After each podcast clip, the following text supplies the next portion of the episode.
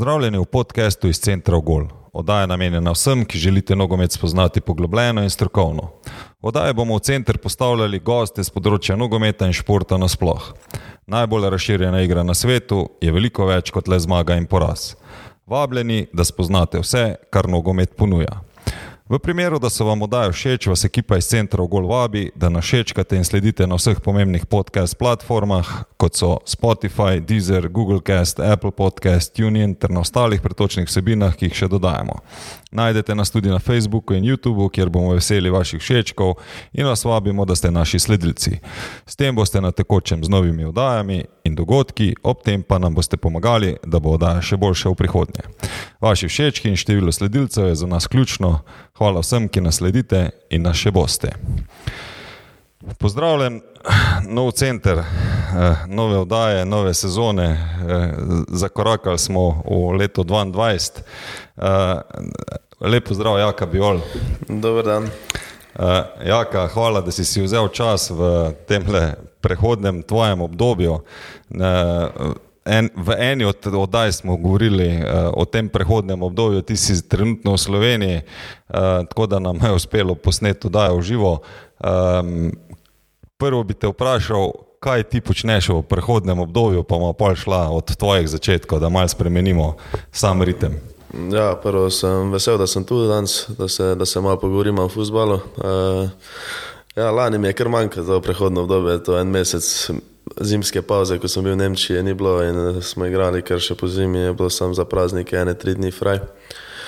Teda zdaj mi prav paše ta mesec, eh, ko si mal doma, pa lahko delaš malo drugih stvari, tudi ne razmišljaš toliko o futbalu.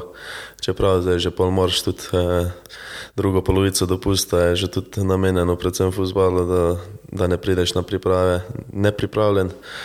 Uh, ja, prvi del pa je čist za, za odmisliti. Mal, uh, mal sem tudi delal neke športe, ko jih mogoče ne bi bili veseli, če bi vedeli, kaj sem delal. Ampak uh, uh, ja, smučanje jih ni priporočljivo, ampak mm, nisem že zdaj ene dve leti, tako da letos, letos mi je malo šlo in uh, ja, sem zelo užival, tako da sem pripravljen na, na druge pol sezone verjamem, da slovenski nogometni prostor te zelo dobro pozna. Um, sicer komaj 22 let, ampak že za sabo imaš 25 naslov nastopov za reprezentanco. Um, bi pa jaz šel vse na tvoje tiste začetke. Zdaj, ravno si omenil smutanje. Ti um, si na začetku vseeno. Uh, To, kar smo se tudi na začetku, mislim, predodajali, pogovarjali uh, gojil tudi želje ali pa interese po drugih športih, predvsem ravno po, po smučanju, ne? to drži. Ja, se pravzaprav kot vsak otrok, po mojem, noben ne ve od začetka, zakaj se bo odločil. Pol, ko je malo starejši, moraš vse sprovat prvo, da vidiš, kaj ti je všeč. In, ja, ampak pol, ko je enkrat prišlo do, do neke faze, ko se moraš resno odločiti, Uh, za mene nikoli ni bilo nekega resnega dvoma, sem vedno vedel, da hoče nogomet igrati. In, uh, sem tudi bil pripravljen narediti veliko, da, da, da bi uspel uh, v svojih željah. In, uh, ja, čeprav sem smučal tudi zelo rad, vedno mi to poletno smučanje na ledenikih nikoli ni glih ustrezalo. Zdaj pa malo manjka, ko, nisi, ko dolgo ne smučaš. Pa, je neka strast, nek hobi, v katerem zelo uživaš. In, ne, tudi vse neko pivo na smočišču ali karkoli, ko pride zraven, je nekaj druga, drugi experience, ne samo tisto smočanje. Ko govorimo o drugih športih, eh, mi velikokrat podarjamo, predvsem trenerji, koliko je pomembna ta sama raznovrstnost. Ti, verjetno, glavni moment, tudi ko se ti je zgodil, eh, je bil ta, da si se odločil iti potem v Ljubljano v nogometni razred. Se pravi, rečemo, da si v tem času že vedel, da, da želiš, pravi, da je nogomet tvoja prva, prva izbira, kar se tiče športa. Verjetno takrat še nisi pričakoval, da, da boš na, tem, na tej točki, kjer si danes, kljub temu, da verjetno želel si si pa ne. Um, kaj je potrovalo temu, da si se odločil za nogometni razred? Pa, kaj bo, uh, v Dravograd, Dravograd je pa do drugo ligo, no takrat lih mladinski kadetski je nogometna šola pravzaprav in uh, normalno nisem mogel ostati tam in sem mogel nek drug korak narediti, če sem hotel igrati prvo ligo in uh, vedel sem, da če hoče nekaj narediti v futbalu, da ne morem igrati druge lige pri mladincih kadetih in uh, zato sem se odločil, da, da provam zabral. Malo sem tudi razmišljal nekaj časa o domžalah, ampak sem zelo vesel, da sem se odločil za bravo v tistem obdobju. Bilo je čez, čez železniško progo od, od Šiške in eh, pol, ko sem enkrat vedel, da hočem igrati prvo ligo, ni bilo veliko nekega več dvoma v glavi, kam bi šel v šolo in eh, normalno sem se odločil za nogometni razred kar mi tudi sploh ni žal, dal mi je veliko, tudi drugih stvari, ne sem, ne sem neke izobrazbe in uh, mi je bilo tudi kasneje veliko lažje, ker vseeno sem šel to iz doma, ne sem skoroške z malega mesta in niti, niti mesta, no. ampak ja, v največje slovensko mesto in to mi je tudi pol kasneje, ko sem šel enkrat v Moskvo, so mi veliko dala tista tri leta v domu in uh, sem živel v domu z drugimi sošolci in takrat ni bilo nobenih punc, nisem razmišljal o druge, drugih stvarih, ko pa sem v fusbalu tri leta tam in sem tudi najbolj napredoval, treniral sem pa res velik. No, ti neverjetno ne veš, ne, takrat, ko si se ti odločil za Bravo, pa domžale, nisi bil trener, ker kadetov v celju, ne, pa fejs pritiskal pušnika, ne, kako dobro reče, tudi da prideš v celje, verjetno si tudi to vedel, ampak ni bila tista opcija, da, da, da bi se takrat srečala. Um, je pa zdaj, ko si, ko si omenil nogometni razred, ali pa ko sem ga jaz omenil, ne, mi smo imeli goste tukaj, eh, smo posebej predstavljali ta nogometni razred.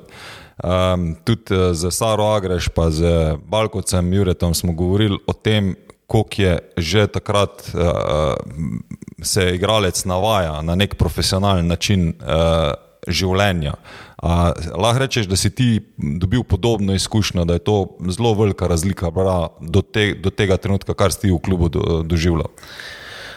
Pa ja, ampak jaz vseeno mislim, da je to osebna stvar. A se ti odločiš, da boš možnost imaš posod biti profesionalen, sam pač mogoče ti daje nek, nekaj mal, te bolj potisne v to, nekaj pa mal manj. In vseeno se moraš pa ti odločiti, kako boš živel in uh, kaj boš vložil v to, če hočeš nekaj narediti. In, uh, jaz sem šel tja sam z eno stvarjo v glavi, nekdo, ko pa ni to še vedel ali pa ni bil tako odločen, je imel iste možnosti ali pa iste, pa je lahko tudi ima iste kvalitete, nogometaš oziroma Ampak je pomembno, koliko sam veš. In če se ti odločiš, da boš živel profesionalno in da boš se naredil za neki, so tam le. Lahko tam le 100% izkoristiš ta svoj potencial, ker ti res da velik in te potiskajo skozi neki. E, ti da to, ja, potiskate face, če hočeš, in e, če pa nočeš, je pa druga stvar. Če pa nočeš, je pa škoda, da si šel. Ja, okay. uh, tvoja pot da, da bomo mi dva ta prvi del malo hitreje poskušali reči čez, ne, se je nadaljevala še kot mladine, se pravi ti kadete in prvo leto mladince si igral v, za nogometni klub Bravo. A so tam že uh, te kaj priključevali tudi uh, k prvemu moštvu? Kako je bilo takrat uh, s tem? Ne, po članih nikoli nisem bil prebral. Sem tak zadnjo leto mladincev šel v Velenje, uh, ampak prebral sta bila že tam tudi zdaj zelo priznan trener slovenski in že takrat je delal na najvišjem nivoju in tudi pomočnik Grabič in Arnold sta delala takrat res vrhunsko in tudi kondicijska priprava in se je bila res na visokem nivoju. Uh, delal sem še nekaj individualno zraven z, z gospodom Đorđevičem, atletskim trenerjem in tisto, tisto obdobje je res bilo za mene ključno in uh, tiste tri leta v Bravo in v Šiški in še atlet, atletski trening in vse skupaj tam se naredil korak naprej. No. Se, se, si, si zelo veliko vlagal, pa se ti je na koncu tudi obrestovalo. Tako je. Okay, um, zdaj v tem obdobju ti igraš za mlajše kategorije uh, reprezentance od U15 do U19 in uh, kot smo rekla, si kot mladin že začel nastopati v naši prvi ligi, takrat je Rudar bil izveljen v prvi ligi, ker si bil zelo standarden igralec. Ne? Nosilec, lahko rečemo, zelo malo minut si izpustil v, v tisti sezoni. Ja, takrat, normalno, takrat me je trener Pušnik pripeljal v Velenje in eh, je tudi verjel meni skozi. In uh, to je tudi potrebuješ kot mlad igralec, da nekdo stoji za tabo, tudi ko mogoče ne igraš najboljše tekme, ampak sem bil standarden in sem um, odigral prvo sezono dobro, uh, pravzaprav sem imel dobro sezono kot prvo člansko ampak sem bil že fizično tudi na tej ravni, da, da nisem imel problemov. In, uh, ja, trener je stal za mano skozi in uh, se je obrestovalo vse skupaj. Kako si ti občutil to razliko, um, glede na to, da ni tako davč nazaj, ne? ta prehod iz mladincev v, v člane in takoj prva liga? Pa normalno, da je, da je drugače. Um, Kaj je glavna so... razlika? Je to v hitrosti igre, v duelih, v vem, več premišljenosti znotraj taktičnega? Ja, normalno, vse, vse je hitreje, ne? manj časa imaš pri sprejemu žoge, pri oddaji žoge in moraš vedeti, kaj se, kaj se dogaja okrog tebe, še posebej na, na poziciji veznega. Uh, fizično sem bil dobro pripravljen no, na ta prehod iz mladincev v člane, uh, ampak vseeno normalno je, je nekaj neki čist drugega, ko prideš enkrat. To so tudi starejši moški, že igrajo in že vse imajo naštudirano, izkušenejši so. In, je drugače, ampak sem se uspel hitro navaditi in uh, tudi s pomočjo cele ekipe, pravzaprav Velenje so me dobro sprejeli vsi in uh, čeprav sem bil mlad in igral, igral dosta, uh, ampak ja, sem, sem zelo vesel, da je, da je bila taka ekipa okrog mene, trener in uh, smo, uh, smo imeli res dobro leto, vsi skupaj v Velenju, no, smo zaključili tu četrti v Evropi in uh, je bila, bila dobra sezona za, za rudar. Um, jaz se spomnim teh prvih treh tekem, ko si igral, um, pa se je občutilo nekaj nervoze, ampak se mi zdi, da potem, ko si občutil ali pa ko si imel te prve dve tekme dosti dobre, da je bilo nadaljevanje precej, precej lažje. Ja, ne veš, ne veš, lahko ti sploh to igraš, malo mal v, v glavi isto imaš problema. Vseeno sem tako mlajši, lahko to jaz sploh igram, ali ne morem. Uh, ko pa vidiš enkrat, da, da lahko, da, da ni to problem, uh, je pa drugače, se, se malo sprosti, lažje so noge in, uh, in gre.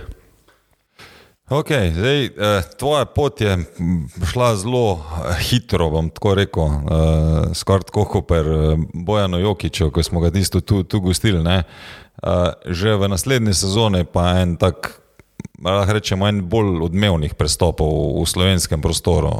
Takoj, se pravi, ti kot 19-letnik v, v Rusijo, ampak ne v katerkoli klub. Ne. Pravi, zagotovo, tako kot si omenil, Moskva ima svoj nek uh, čar, pa, pa pričakovanja in zahteve, ampak tudi CSK, kot tak, vemo, da je to eden večjih, če enega postavljajo tudi kot največji klub v, v Rusiji. Ne.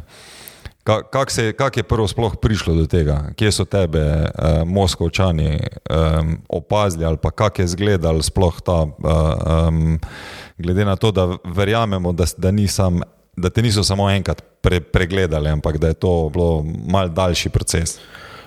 Pa ja, normalno se mora, prestopu se mora vedno veliko stvari poklopiti, da, da gre to skozi. In, uh, Prva stvar je bila, ko, ko smo igrali z reprezentanco v 19 na turnirju v Rusiji, v St. Petersburgu z Valentinom, na turnirju Valentina Granatkina. Uh, že takrat je prišel en scout CSK do mene, mi dal vizitko in uh, takrat je bilo to prvo, no, ampak takrat še sploh nisem igral za člane. Uh, ampak potem pa prva sezona. Uh, CSK je imel finančne probleme, drugače bi oni kupili igralca za 10 milijonov, če če bi bilo vse po, po regalcih, pa vse skupaj, ampak so imeli finančne probleme, vsi starejši igralci so pravzaprav šli iz ekipe, uh, delali so novo ekipo, pravzaprav tisto prestopno okno prišlo več kot deset igralcev novih. Uh, niso imeli financ in so mogli iskati neke mlade, perspektivne igralce, in uh, takrat sem jaz dobil svojo možnost ja, pri takem velikem klubu. Um, ampak eh, oni, zanima me iz tega vidika, pravi, a ti sploh veš, koliko tekem so si oni pregledali, si, ste vi upravili kakšne intervjuje prej, so preverili, ne vem, um, še kaj drugega, razen tega, da so ne vem, prišli se pogajali za ceno, pa ne vem, naredi, da si moral narediti zdravniški pregled in to je bilo to. Pa takrat že prvo leto bi mogel iti pravzaprav na pripravo. Preden sem sploh še igral članski futbol na, na priprave z njimi, ampak sam da vidijo oni na probo, ne, ne kot prestop, uh, preden sem prišel v Velenje. Pa se takrat nisem odločil, da sem sploh nisem še igral članskega futbola, nisem videl, kako bi sploh to, to šlo skozi. In, uh, ja, po, pa, po eni sezoni v Velenju je bilo pa to zelo hitro. No. Oni so videli, da pripeljali so enega Hrvata že po pol leta prej na približno isti način, uh, so videli, da, da je v redu, dobro igral in so se še hit, zelo hitro tudi za mene odločili. No, in, uh, Ni trajalo veliko, sem še maturo delal vmes, ko sem se vozil na zdravniške preglede in nazaj eh, sem še imel ustne izpite, matematike se spomnim in eh, je vse šlo zelo, zelo hitro. No, in eh, tudi pol sem šel takoj z njimi na priprave in to je bilo manj kot enem tednu smo se skupaj prišli. Kaj pa to za eno glavo, tako, ko, ko se kar naenkrat za, zaveš, da je to nek velik klub, nek uh, drug nivo, preden si sploh uh, šel, koliko si sploh spal v, v, v tem obdobju. Spanjem nisem imel nikoli težav, da spal sem. Ne. Ampak ne, nisem sploh toliko razmišljal o tem, res sem si vedel, da si to želim, da, da sploh ni vprašanje, če hoče nekaj narediti. A ja ali ne, nisem, sploh nisem imel nekih dvomov v glavi. In, uh, takrat sem sam šel, go with the flow. In, uh, Ja, sem se hitro šlo vse skozi, res se spoh zelo slabo spomnim takih, ja, ko, ko gre neki mimo tebe. In, uh, ja, zdaj, ko pa nazaj pogledam, normalno sploh nisem pravzaprav vedel, kaj se, kaj se dogaja. No, normalno noben ne ve, po mojem, nekaj, ko se mu velike stvari dogajajo, tudi za Ligo Prvako, sploh koliko bi to zdaj več ceno, ko sem pa takrat. Se pravi, si uspel držati ta fokus, da pač počneš tisto, kar počneš in da te ne bremeni vse, kar. Ne, ne, ni, ni, je možno, da se še zraven zgodi. Ne, nisem imel s tem težav, no, da je to nekaj velikega. In, uh, če to hočeš, se ne sprašuješ, o tem nimaš dvomov. In, uh, je šlo hitro in sem zelo vesel, da se je odvilo vse tako vse. No. Zdaj ti v tej prvi sezoni si imel zelo lepo minutažo. Kaj se je zgodilo, da si ti bil posojen v Nemčijo? Pa ja, to je po, po dveh letih, ne sem pravzaprav dve leti v CSK, pa, pa sem šel v Nemčijo. Nisi zadovoljen, ne igraš do se, je se lahko. Ne, pa je bila to tvoja eh, lastna želja ali je, ti, je sam klub prišel in rekel, če ja, je fajn bilo, da bi ti nabiral minutažo, ne vem, Hanover je klical ali mi bomo sostavili kontakt z njimi, dobro bi bilo, da bi ti naredil.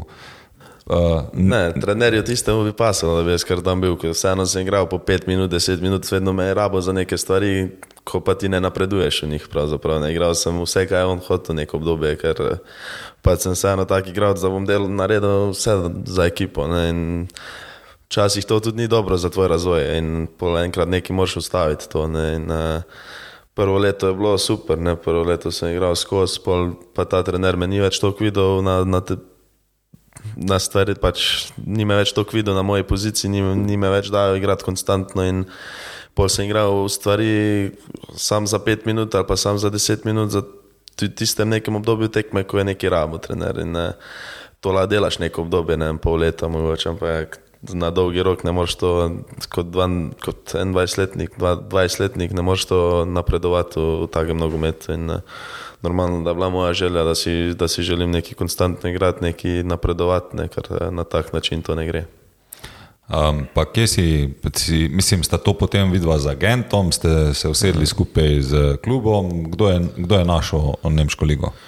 No, zato pa so agenti, neki, da ti pomagajo nekaj najti, ko nekaj rabiš. In, uh, ja, oni, ne, vse to klub se ne ukvarja s tem, če te res ne vnoče dati stran. Ne, in, uh, Tako jaz pravzaprav sem koristni igralec za trenerja, čeprav meni rabo to, ko prvih 11, vseeno rabi nekaj, ko bo nek, nekdo delal nekaj za ekipo. Da, uh, tako da ja, sem si mogel najti sam. Ne, in, uh, je pa res, da pol tudi oni, oni so me tudi vrejo spustili, niso bili, so bili korektni. No, in, uh, mi je pa pomagala ta ena leta po svoje, igral sem zdaj skozi. In, uh, normalno, ko priješ pa nazaj, zdaj v klub, pa nikoli ne veš, kaj se bo odvilo. Je pa vedno nova priložnost, pa nova možnost, da gre kaj prav, pa kaj narobe. Tako je. Um, ti si zelo bil navaden, da od malih nog, da tebi pripada, da igraš. Ne? Ti zelo malo tekm si um, obsedel ali pa sploh sedel, če, se, če si sploh kdaj v mlajših kategorijah, se ti je to kdaj sploh zgodilo, da te je trener posadil na klop in rekel, ja, kaj danes pa ne veš v prvih 11. No, v mlajših pa, pa res neverjetno. Ja. Kako pol to zgleda, ko si ti, ne vem, se pravi, imel tako uh, uspešno ravno pot, lahko rečemo, da, da si ti tudi prideš v nek velik klub kot je CSK, se navadiš, da si prvi timec in potem ti trener reče, ne računam na te. Zdaj, verjetno v, v, v prvem delu si je pač to bilo, vi ste takrat še, se spomnili, da je igral Ligo Prvakov, pa si Ligo Prvakov igral proti zelo, zelo kvalitetnim moštvom, pa imel zelo dobre partije, pa ocene. Pa pa pride kar naenkrat reče, da nisi me v prvem planu ali pa pač opaziš to, ko tretjo, tretjo ali pa četrto tekmo sediš. Sem se lahko s tem soočil že veliko prej v reprezentanci, per, eh, v 16, ne vem kaj že bilo. In, eh, tak, sem se že takrat, z, takrat me je prizadelo, takrat mi je pa dalo tudi neko drugo novo moč za še več. In takrat je bilo tudi obdobje, ko sem pol najbolj napredoval, ko sem enkrat se usedel na klop v reprezentanci, ko sem začel kot kapetan reprezentance in pol nisem šel niti na kvalifikacije za Evropsko prvenstvo. Naprimer, eh, takrat me to prizadelo. Tak, zdaj, ko si ima, pač, ko že to zadoživiš enkrat, eh, takrat je še bolj verjetno, no, ko si 16, 15, koliko 16 let star. In eh, sem šel takrat čez to, tako da zdaj, ko se je to zgodilo. Je pa bilo drugo, malo drugačno obdobje, drugačna okoliščine. E, takrat me je zelo prizadelo, zdaj me pa ni, zato ker sem pravzaprav igral toliko tekem tisto sezono že prej, da ko sem se enkrat usedel klop, na klop, ne veš ti, za kako dolgo se usedeš na klop. E, v nekem obdobju mi je takrat celo pasalo, malo, ja, sem imel toliko tekem teh velikih, da mi je bilo za glavo že full. E, sem res bil že napor, pravzaprav na vsako tekmo se pripraviti na take velike tekme kot mlad igralec. E, rabiš v glavi se pripraviti več, kot pa fizično. Pravzaprav ni bilo fizično problem, ampak še posebej na vezistu, ko veš, da lahko hitro kaj, kaj zasereš. Te, te razprave sem večkrat imel z Vlašičem, ko on reče, ja, jaz pa koma čakam to te tekmo ali pa neki ti pa ono, cel poslušaš tam, cel fokusiran, ko on lahko uživa v futbalu kot eh, ofenzivni igralec, ti pa ne uživa več toliko kot, eh, kot defenzivni vezist, so neke tvoje naloge druge, kot pa, kot pa uživati v futbalu. In, eh, takrat mi je bilo to za glavo res eh, že velik in mi je prav pasalo, no kako tekmo se vse na klop. Eh, pol mi normalno ni več, ko se ne daljše obdobje sedel, ampak eh, od začetka mi pa, mi pa ni bil problem. No. Um, ima eno stvar, pa še tu uh, uh, uh, razločiti. Se pravi, ti kot mlajši igravci, večinoma igral tu v zvezdni liniji. Um, zdaj, v, v, v tem času, ko smo se pogovarjali o tem celju in vse ostalo, se spomnim tudi, da si proti meni v napadu igral, mm, yeah. v obdobju, ko smo lovili rezultat. Um, Uh, ampak večinoma si bil v tem jedru, noter, kjer si gradil, lahko si se priključeval tudi uh, zaključku napada. Sicer večina trenerjev te je verjetno postavljala tu na uh, zadnjega veznega, defenzivnega, kjer si na eni strani gradil, na drugi strani pa preprečeval te napade um, ali pa njihove ključne igralce na, uh, od nasprotnikov. Zdaj, uh, v zadnjih dveh sezonah, se pravi, že v Hanovru si pa začel veliki grad na centralnem branilcu. Kako si sprejemal, rečemo, sploh že prej te razne menjave na igralnih mestih, kot je trener, ne vem, takrat, ko ste lovili rezultat, dal na, v napad, pa si ti dal, ne vem, tisto tekmo dva komada, naslednjo tekmo si pa spet bil na zadnje vezne. Si kdaj pomislil, zakaj me ne pusti v, v napadu gor? Pa ne, vseeno, vedno sem vedel, da nimam karakteristik za, za biti nek napadalec. Normalno vsak se mora toliko poznati, da, da ve, kaj lahko, kaj ne more za neko obdobje.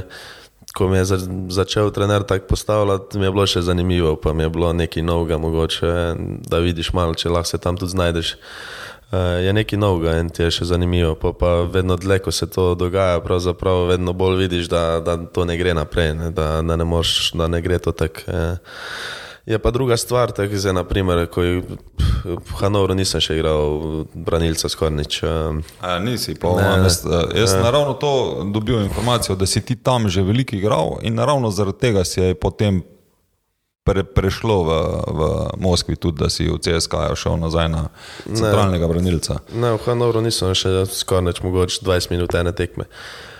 Ampak zdaj, ko sem pa prišel nazaj v, v CSK, pač normalno, da ima se trener se zamenjal, ne? to je bila glavna stvar za, za te pol sezone, da sem zdaj skozi igral in ne, tudi na novi poziciji in vse skupaj. In prvi trening, ko sem prišel, je trener rekel, da on je bil prej pomočnik v njem prejšnjemu trenerju, pač v klubu je bil in Uh, mi je tako rekel, da je že on prej govoril, da, trenerju, da, da sem za njega uh, centralni branilc. In zdaj, ko sem prišel, mi je rekel, če bi, če bi hotel to probati. In sem rekel, da, da, da bi ne. Se vseeno, zadnji vezni pa, pa centralni branilc, ni tak, takih razlik, je, so približno iste karakteristike igralca, lahko uporabiš na centralnem branilcu ali pa na, na vezistu. Ne. Predvsem tako, če si velik, če si močen, lahko lah igraš normalno obo, obe poziciji. In, um, mi, je, mi je pa zelo pasalo za to. No. Po ta, ta pol leta sem se najdel na tej poziciji in sem imel res dobre pol sezone v CSK. Boljše, kot pa prej, vse, pred prejšnji dve leti, veliko boljše. In, uh, Uh, mislim, da bom kar tu zdaj ostal. No. Uh, neke stvari so mi bile zelo težke in na vezistu za, za, za početi. Uh, zle, tu se pa skrijejo na, na, centralnem zaščit, na centralnem branilcu. In, uh, če ti to uspe, uh, mislim, da, da, da lahko prijem na, na veliko višjo raven uh, nogometa na, na tej poziciji, kot pa naprej. Ja, kje si imel pa največ težav na centralnem branilcu? Tako, ko si sam taktika, menil? normalno, da je taktika, te žoge za linijo, nimaš nobenega več zadnje in moraš skozi gledati, to so koncentracija, mora biti skozi na, na najvišji ravni. Jaz mislim, da je najbolj pomembno za branilca, da, da je skoncentriran ne, 90 minut ne, in ne, ne moreš narediti ene napake. To, to vidiš in lahko si skoncentriran 90 minut pa pride podaljšek, pa se ti ena napaka zgodi, pa je, pa je čist dož, da imaš slabo tekmo, čeprav si prej odigral mogoče čist super, ne? ampak uh, so neke druge stvari, ne? moraš drugače gledati na, na malo nogomet, na, na zgradnja napada je malo drugačna, ne nimaš nikogar iza, no, nikoli in je lažje malo mogoče na ta način. Uh, uh, gledati okrog sebe, ne rabiš toliko mogoče kot na vezni liniji. Ne, in, uh, moš v obrambi bolj, kot pa, ko pa v napadu. In, uh, je, je, so male razlike, ampak po, po, fi, po fizični sestavi igralca, ki je to. Uh, pa jih ni toliko. No, pa kaj pogrešaš zdaj, ko si na centralnem branilcu, kaj od tega, kar se ti je v vezni liniji dogajalo, ne? da, si laž, da si se vseeno lahko vključil rečemo, v zaključek napada, ali pa ne, da si večkrat v duelu, lahko tudi kakem rizičnem. Uh, kaj, kaj tega pogrešaš mogoče? Pa vključeval se nikoli, taj nisem nekaj velik na, na zadnje vezne, sem vedno bil bolj tisti, ki je ostajal zadnji pred, pred zadnjo linijo. Um, tako da mi pravzaprav ne manjka glih neki tule na, na na branilcu, velik ima žogo, tudi na, na branilcu gradiš napad na isti način, je še lažje graditi napad, ko imaš več časa.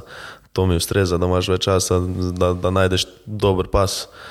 Uh, in uh, pravzaprav zelo malo stvari pogrešam. No, Um, jaz sem uspel ene, dve, tri tekme v, v tej sezoni, tvoje pogled. Moram reči, da sploh kar se tiče teh globinskih podaj, ne, se ti vidi, da si prej igral na, veznem, uh, na poziciji zvezdnega igralca. Ne? Da pač iščeš več to, to podajo, uh, kjer se preskakuje kakšna linija, kar ni tako tipično mogoče za, za uh, centralne branilce. A to v prvasi tudi forsira to, ali je to pač zaradi tega, kar si prej igral? Pa, normalno, da je več časa, imaš in lahko iščeš te podaje. Na, na vezistu je, sem imel malo problem, vedno, ker ni, do, ni toliko časa, da bi lahko najdel to, to podajo. Čeprav veš, da je lahko daš, ampak se vedno to hitro vse dogaja, da je, da je, da je ne najdeš mogoče v tistem času. In, uh, Tule na, na branilcu pa, pa je malo več, ne? ampak čeprav je bolj rizično, si zadnji igralec linije in um, moraš vseeno, ne smeš preveč riskirati s temi pasi, ampak iskati jih je pa lažje, kot pa, ko pa na vezistu. Ok. Uh, gremo mi dva počasi naprej v to malo primerjavo. Ne. Zagotovo ta slovenski prostor um, poskušamo malo prikazati tudi, koliko smo mi vem, različni glede na, na tuje lige. Zagotovo najboljše je pač tiste izkušnje, ki jih ima igralec, ko, ko pride enkrat ven in doživi eno zadevo. Um, mi dva smo se pogovarjali, sem ti rekel, da meni je zelo všeč oddaja s korunom, ko smo jo naredili, ne, pa da ko je šel na Poljsko, uh, si ni znal predstavljati, koliko je velika država. Ne. Zdaj ti si bil v dveh isto zelo velikih državah, si igral. Kako si se ti rabu navaditi na vsa ta potovanja, glede na to, da Rusija, kar ste hodili ven iz Moskve, večina je bilo verjetno kar letalo, ne? ni bilo uh, avtobusi pa vlaki. Ne? Ja, sploh prvo leto, ko smo še igrali Evropo, pa drugo, no, neko obdobje sploh nisi doma. Ne. Če imaš karantene, pretekmo in se skupaj potovanja in pred domačimi tekmami imamo karantene, tako da ko imaš tekmo, te dva dni ni doma. To je največja razlika. Ni... Se pravi, vi imate pred vsako tekmo dva dni karantene? Ne dva dni. Pač pride ta dva dni, ki imaš naslednji dan eh, zvečer tekmo, ne imaš ob sedmih okay. tekmo, greš pa v hotel ob dvanajstih prejšnji dan. Sta dobro, dan pa pol, ampak. Uh, Da, ja, to, je, to, to je bilo mi največji, tukaj nisi skoraj več domače, imaš sredo, sobota tekme, sredo, nedelja. In, um, Ja, ampak je pa ta razlika, da naprimer, v Nemčiji smo, so manjše razdalje, ampak smo vse hodili z busom in smo se vozili na jug Nemčije z busom in, smo se sedem ur vozili z busom. In, v Rusiji pa greš eno uro z letalom, pa ti tako ne rabiš te security checke, pa to so, so malo bolj uh, hitri, ne greš skozi, če so sploh kje. In, uh, ponekod, ko prideš kak eh, te malo mal manjše kraje, pa to, kar buste čaka, ko, ko greš z letala dol, eh, niti ne rajaš iti več skozi letališče, niti ko prideš na letališče, prideš z busom na avion. Uh, da na to se hitro navadiš, uh, ni, ni problem. Da se vam prikrajša nekaj časa, da ste bolj efikasni. Ja, tako da pravzaprav potuješ mogoče uro pa pol, čeprav je to ne vem kje, ono daleč. Ne. V Nemčiji smo se pa vozili z unimi busi sedem ur, tam, tam je bila muka, tiste je bilo muka, res se, se vozite to, na letalo, ko greš enkrat tam zaspiš, imaš da spaca za sebe, ni noben problem, čeprav so tudi busi tam ne malo modificirani, ampak vseeno, ko se voziš ti v avtobusu 8 ur, priješ kar malo zmatran na, na tekmo drugi dan. Da si bil v Nemčiji pol bolj utrujen od potovanj, kot pa v Rusiji. Ja, definitivno, zih. Okay, um, dej, a nam lahko predstaviš, kako je to izgledalo? Ne vem, ene tvojih 14 dni, ko ste igrali Ligo prvako, kak, kak, kako to zgleda? Rečemo, da se ti je zgodilo, da si moral iti, eh, se pravi, gostovati v Ligi prvako, pa potem še gostovati v Rusiji. Kak je en teden tako izgledal, sploh glede potovanja, hotelov in eh, eh, obveznosti, ki jih imaš v enem takem tednu? Pa ja, pravzaprav sem ne razmišljal o ničemer drugem, kot pa sem o, o futbalu, ker vse realno planirajo vse ostale. Ti, ti se sam, kaj oni reče, ti to narediš. In tisto obdobje si sam tam, ne si not, not padeš v ta nek stroj in sam hodiš tam, ko ostali hodijo. In, in, Ne vem, smo šli na, na avion, leteli v Rim, smo imeli tekmo. Če, če te lahko sam prekinem, ne, se pravi, eh, vi ste odigrali recimo soboto tekmo do, doma. Rečemo, da smo, ste igrali doma in ste igrali potem v torek ali pa v sredo že Ligo prvako, tako se reko, rečemo v Rimu. Ne. Uh, ponavadi, kaj ne dela, je bila regeneracija, to, ste, uh, to te nisem vprašal, CSK ima svoj kamp. Ja, imamo. Tako tak, da imate tudi hotel tam, verjetno, igravci, imate svoje sobe ali nimate sob. Uh, Kemp je stara vojašnica. Uh, ne, ni se zaspel, ker je res star je ful, uh, ampak tak, se ti priraste srcu. No. Imamo svoje sobe, si stare, kar vse dosta, ampak uh, ti priraste srcu. Je, vsega imamo, vse imaš, kar rabiš. Uh, Tudi jedilnico, vse, ampak ne spimo tam pred tekmami, vseeno je za spati, malo ne bi bilo udobno. Glih, lahko priješ, če priješ po eno urni vožnji na trening, priješ tja, pa, pa se lahko ležeš za ene pol ure. To, da, imate, po glavnem imate prostor. Ja. Ampak, se pravi, vidite, ste potem naredili ne, naslednji dan regeneracijo. Kaj ste potem, rečemo, v torek, eh, ponedeljek pa torek počeli, preden ste, ker v torek ste že itak, da naredili verjetno trening zvečer v, v Rimu, ker to je neka standard. Ne. Ja, greš tja, sam to, da bolj vidiš, kako je igrišče, kako je. V ponedeljek ste še trenirali v, v doma v Moskvi, ja. zvečer letalo.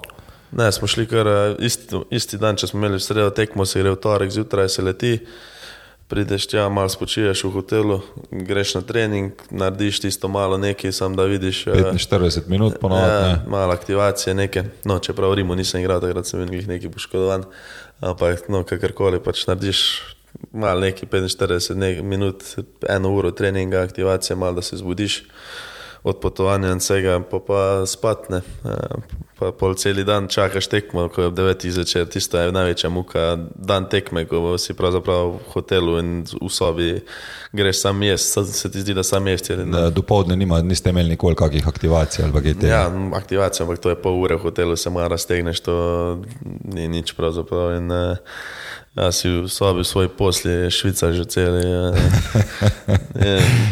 Dve ure pretekmo, ste ponovadi bili na stadionu, uro pa pol. Ja, uro pa pol pretekmo na stadion, spiješ kak čaj tam, lepo v stolačilnici, ja, malo pogledaš. Stadion, teko, teko vedno, kjerkoli. In, uh, ob devetih tekma, ob enajstih konc tekme, ja, vesel ali pa žalosten. Pa na avion nazaj. Uh, direkt iz stadiona na letališče, letiš domov, prideš v Moskvo, pa nimaš vize prave. To, to se ti je tudi zgodilo. To kaj? se mi je zgodilo, ko smo sprzna leteli prvo tekmo. Ja. Sem čakal pol do 4 zjutraj, da so zrihtali vse, da sem lašal domov. Ja. Ja, neki so mi zasrali. Tokrat sem jih prišel, to je bila prva tekma Champions League, ko smo igrali. Iz Przna smo leteli in so, so mi zasrali neki z vizo, nisem imel pravi datum in so mi mogli tam le rihtati pol na hitro. Ja, pa kaj te je cela ekipa čakala? Kaj? Ja, veš da. Sam sem bil tam s prevajalcem, sam tam še nisem nisem nikoli, nič nisem znal rusko, niti takrat me je prevajalec čakal, zraven je bil z mano, no, vse on počakal. Smo čakali pol sama na letališču, da so mi zrihtali tisto vizo, da sem našel domov. Po. Ja, je bilo kar naporno obdobje. Glavnem, ja. zdaj, če, če tako gledamo, zdaj ob 11. konc na letalo ste nekje ob enih, verjetno uspel, mogoče pol dveh prid, pomeni še dve ure do, do Moskve. A, še več, še, še več, še več Moskve. Vse, no. Ob štirih ste prišli v Moskvo, pol petih. Ja, tako da sem še več čakal, sem zdaj štiri hitro rekel. Sem, ne, tri ure sem že zihar bil na letališču. Rad, ja. uh, v glavnem, uh, ponavadi, kaj, ste sploh kaj spal po, uh, po takih tekmah v gostovanju? Ja, dobro, to pol imaš frajdan, pol, če priješ tako pozno domov, smo vedno imeli frajdan, da, da spiš. Naslednji dan ni bilo pol regeneracije. Ja, najboljša regeneracija je spanc vedno. Ja. Kako pa ti uspeš spati po takih tekmah? Jaz nimam problema s tem, vem, da ima veliko igralcev probleme. Doste vse, kar smo imeli v oddaji, ja. so rekli, da do štirih, petih noben ne more ja, spati po večernih tekmah. Vem, ja, vem, da ima ful probleme s tem, ampak na srečo še nimam, nimam takih težav, da ko se vležem, malo že kaj, tako nikoli ne greš po tekmi takoj spat, se to je normalno, ampak ko se pa vležem, enkrat pa lazo spim. No, za enkrat, če nima problema, mogoče malo starejši. po moje ne, ker to verjetno ni za leti. Ja, upam, da, upam, da ne res. ampak bolj za koliko si nervozen ali pa nisi ja. nervozen ali pa adrenalinski. Koliko si jezen, nervozen, takrat nisi več jezen. Jezen. Se pravi, zdaj, pol, če tako rečemo, četrtek, uh, uh, da, si, da si bil prost, v petek ste imeli verjetno en, en trening, pa potem ponovno trening, pa so, če ste rečemo, potem gostovali v nedeljo, nekje, uh, verjetno lahko se je še kdo bil žleht, pa vam še v soboto dal tekmo, pomeni, da si že ponovno samo še vzel torbo, pa letel na, na novo gostovanje. Ja, si spakiraš, pa greš spet. Tako da niti nima smisla, da doprijem na obisk tisto obdobje v Moskvi da bi, bi bili sami v stanovanju, ker tebe pravzaprav ni več doma. No, in, eh, takrat res nima smisla, da kdo pri tebi sploh. Um, govorim zaradi tega, ker verjetno je zelo težko uh, najti nek, neko obdobje, da se spočiješ, da se regeneriraš. Kako vam to kljub poskrbi z ostalimi stvarmi, uh, da lahko ti obnavljaš svojo mašino, glede na to, da ti tudi še z takrat, ko so reprezentančne pauze, ko ostali lahko nabirajo nekaj, ti prehajaš v Slovenijo ali pa, pa če greš kam na gostovanje, pa še dodatne dve tekme zraven igraš. Pa zdaj, ko sem mlad, ne smem jamrati preveč, tako bo pol še neko, ko si enkrat starejši, ne, te lahko malo začne skrbeti, če že imaš zdaj probleme. Ampak časih je normalno, da čutiš tudi eh, masaže, rabiš takoj potekmi, se, se, če se navadiš na to sploh. Eh, Si kupiš tudi sam, moraš poskrbeti za to, ne normateke, te stvari, moraš vedeti, da, da je to zelo pomembno. In, uh, je, koliko sam to izkoristiš, imamo vse na razpolago, sam pa če treba to izkoristiti, pa mrzle kopeli, pa, pa stvari, ki so, ki so pomembne za regeneracijo. In, uh, če se hočeš naslednjo tekmo vrejo počutiš, je, je dobro za tebe, da to vse narediš. In, um, ja. To je to. to, je to. to, je to. Skrbi za sebe, v glavnem. Tako je. Ja. Okay. Uh, Dej, če primerjamo samo infrastrukturo, zdaj si rekel, da to vi ste v CSK-ju v tej stari vojašnici, ampak je vseeno nek center, ki verjetno je urejen. Če primerjamo s tem, kar si ti vem, izkusil v Sloveniji, generalno gledano, govorimo zdaj o nekem Bravo, ki ga vemo, da trenira tam na Žaku. Sicer imajo še ostale igrišča, zdaj še neki iščejo dodatno, kot vem, pa imam ravno Grabiča, imam dogovorjenega, tako da eni naslednjih oddaj bomo tudi z njim mal predebatirali njegovo filozofijo, pa kako oni razmišljajo, delajo ali pa si želijo delati tudi v bodoče.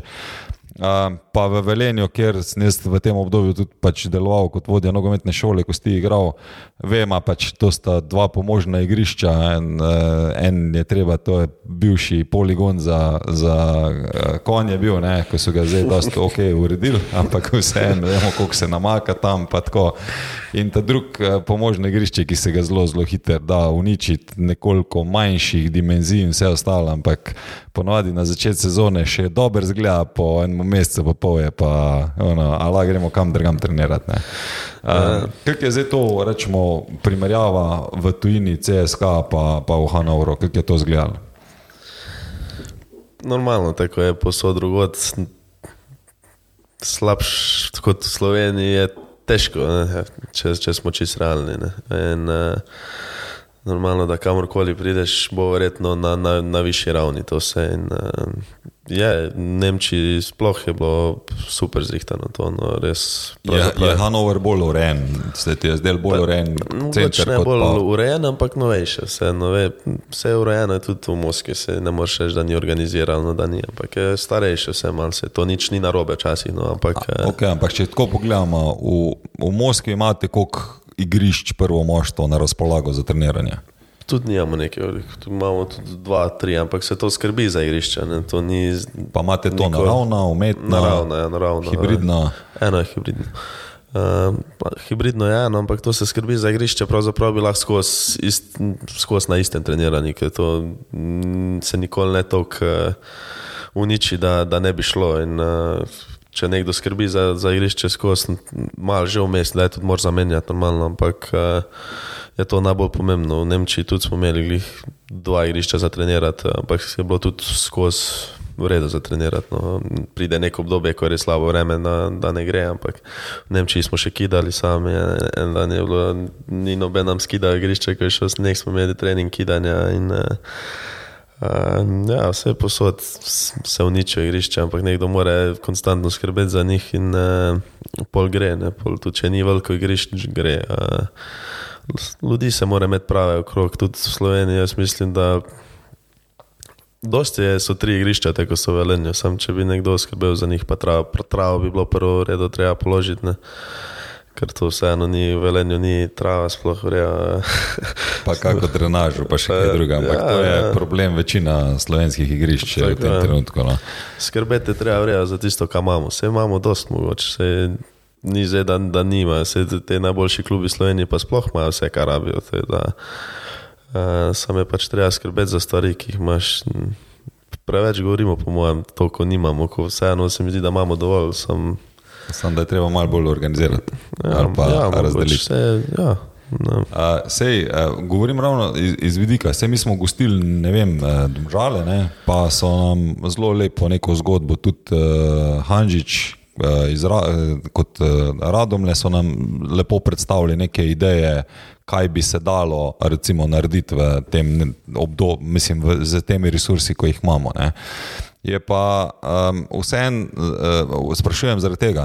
Pravi, če pa govorimo iz infrastrukture, govorimo, govoriš o treh igriščih, verjetno ste imeli fitness center, imate prostore, kjer lahko igravci počivajo, neke družabne prostore, potem imate neke, uh, kjer lahko sami pregledujete video material ali, ali ne. Um, verjetno glavna razlika je tisto, kar se pogovarjamo, je pač uh, človeška infrastruktura. Se pravi, koliko je ljudi, ki se ukvarja z vami. Ne. Že prej za potovanja sem te želel vprašati, kaj ti potrebuješ sploh poskrbeti, ko, ko greš na neko tako gostovanje, potovanje, kaj moš ti sabo vzeti. Svoje... Pasuš, pa dvojne gate, pa je to to. Pa... Vse ostalo pač poskrbi klub, uh, da boš imel urejeno. In... Jaz tudi mislim, da je to največja razlika. Ja da je ljudi več, da je infra, infrastruktura kjerkoli, pravzaprav sem v Hanovru in v Moskvi, nimamo več stadionov, ko pa, ko pa jih ima igrišče stadionov. No, ni več igrišč, kot pa, ko pa tule, ampak je več ljudi, ki skrbijo za to. In tudi v klubu pač deluje več ljudi, ne se normalno. Zem, Ena Moskva, ti moraš imeti infrastrukturo tako, zato ker ti živiš uro pa pol stran od stadiona, večina igralcev. Tule se verjetno vsi vozijo 10 minut na trening ali kakorkoli. Je tudi velik plus pravzaprav to, da si ti blizu, ne, da ne raš ti ne, vsak dan se nekam vozi davč na trening. In je velik tudi plus v tem, da je tu v Sloveniji je velik prednosti, tudi ko pa naprimer v eni Moskvi za, za trenirati in uh, za kakovost treninga in vse skupaj. Ker ti če vsak dan moraš potovati dve uri, to je velik minus, v, velik, velik minus vsak dan dve uri potovati. In, uh, kaj, kaj lahko tu naredi nekdo v dveh urah, to že lahko, ne vem, že dva treninga lahko imaš tu v Moskvi. Ne, je zelo, zelo težko imeti dva treninga, zato ker si lahko cel dan tam pol, ker domov se ne moreš ti pelati vmes med treningom, moraš tam lepo spati, moraš delati. So, so minusi in so plusi posod. E, da, za neko tako veliko mesto ima pa sploh veliko minusov za, za profesionalizem in napredek nekega igralca, ki, ki bi si želel priti na na to pravni. Uh, da, ja, moraš biti zelo, še toliko bolj profesionalen, da, da gre vse skozi, da ti vse uspe v enem dnevu. Ker, um, če ne, zelo hitro dan mine, pa ne, ne narediš. Kako si opazil, rečemo, da ljudi se ukvarja z prvim moštvom, rečemo v Moskvi? Oh kot igralcev, verjetno. Zdaj, 50, 50, ravno igralcev in nekih ljudi, ki delajo v klubu, je verjetno 50, 50. Zdaj, na enega igralca en, en zaposlen, nekje. En človek, ja. ki, ki nekaj dela v krog ekipe. Uh, pač, rečemo, tudi z Marjanom, ko smo govorili, ne, on je, ne vem, Hajduko jih je imel 20 ali 25. Tam jih je še več, kot pa smo jih imeli v Moskvi, se mi zdi, ker smo se malo tudi z Vlašičem, ko je bil prej tam, je rekel, da v Hajduku je. Ja, no, da, je, dobro, da, je, da je ta stožer njihov ne. res tako velik, ne, da um, od fizioterapeutov, zdravnikov, kondicijskih analitikov do, do vsega pač ostalega, kar uh, skrbi. Uh, da mi povej, kdo, kdo imaš pa občutek, da je najbolj obremenjen v, v klubu od teh ljudi, ki skrbijo za vas? Maseri, definitivno vsak se hoče masirati. Če, če bi šlo, bi se vsak verjetno hotel vsak dan masirati po treningu. Koliko, koliko vas imate maserijo? Tri, tri maserije imamo, tako da oni so zihar po največjem pritisku. No. Ja, Morajo še fizioterapeuti čas ima pomagati zraven. Ko imate pa uh, s kondicijskimi narejeno, je, jih je več, so razdeljeni tudi glede na to, da ne vem, ali si ona glavna skupina po tekmi, ali si tista, ki ni igrala, ali si v rehabilitaciji, se to tudi deli, je tu tudi več ljudi. Pa ja, to mora biti razdeljeno, zdaj kdo igra in kdo ne igra, normalno, da, da mora biti dva, dva, dva človeka, sta to, no, nimamo več, ko en je iz, iz Anglije, tako um, en uh, trener. Mm, drugi je pa Rus, eh, tako da se pač malo dva sta eh, za fizično pripravo. In, ehm, ne, mogoče bi še rabili enega ali pa dva. No. Tisto je še kar pomembno tudi za fitness, včasih malo primanjkuje kdo, čeprav zdaj je še prišel en za, za rehabilitacijo in to. On tudi zelo dela z vsemi, pravzaprav v Džimu, če kdo kaj rabi. Uh, Ampak ja, tu bi mogoče rabo enega, enega če hočeš res na top uh, nivo se spraviti. Kako imate pa poskrbljeno za video analize, pa za ostale, ostale monitoring, kot nas tudi zanima, kar se tiče GPS-ov, ne vem, ali se vam laktati merijo, ali imate kakšne druge meritve narejene? Ehm, zdaj so začeli skozi dronom snemati treninge. Pravzaprav en, sam, en človek sam kot treninge snema skozi, eh, ali z dronom, ali s kamero, če piha. En je pa pol skozi, no, analitičar tisti pa skozi montira videe za, za trenerja, nekaj trener hoče za tekme, za treninge, vse pravzaprav. Po vsakem treningu gledajo trening za nazaj. No. To tudi vam pol pošiljajo ne vem, sekvence, kjer je bilo nekaj v redu, kjer je bilo nekaj ni bilo v redu, na kak način pa to komunicirate? Ste v programu ali vam kar prek vem, WhatsAppa ali prek česa drugega? Ne, imamo sobo, imamo sobo na bazi, ko je za, za to narejeno. In pol, če ima trener ti nekaj zapovedati, pokliče na analizo in ti pokaže. Ne. Uh, imaš to z njim, v komunikaciji z njim, direktni, gledaš video, ti on pove, kaj misli v video, ti ne pošiljajo videa in pa ti napiše, da, da lahko tudi ti kaj poveš, kaj misliš. Ne, in, uh, je med sebojna komunikacija posod najbolj pomembna. In, Tudi to, ko ti nekdo, nekdo nekaj kaže, mogoče ti svoje perspektive vidiš nekaj, nekaj drugega. Ne, in, tek, sam tek se lahko zboljšaš. Tudi, In, uh, ja, drugače pa imamo po vsaki tekmi normalno analize tekme skupinsko in uh, cela ekipa. Okay, um, zdaj smo že v drugem polčasu, tako da, da, da, da lepo napredujemo. Um, povej mi, zdaj ko se pogovarjamo o tem, vem, um, kako igralec uh, trenira, doživlja same treninge in tako naprej. Uh, Bojan Jokič nam je rekel, da tak face, ko je treniral v Rusiji, tudi zdaj ne, uh, v UFI, da nikoli ni tak face treniral. Ne. A to si tudi ti tako doživel, rečemo zdaj, ne vem, verjetno vse so bolj naporni treningi, sploh te pripravljalne obdobja, so pa je, da trenerji sploh ne vejo, kaj je regeneracija, pa, ali pa če se tekma igra, kot da se ni tekma igrala. Si, eh, imaš ti podobno izkušnjo tudi, tudi v CSK? -u?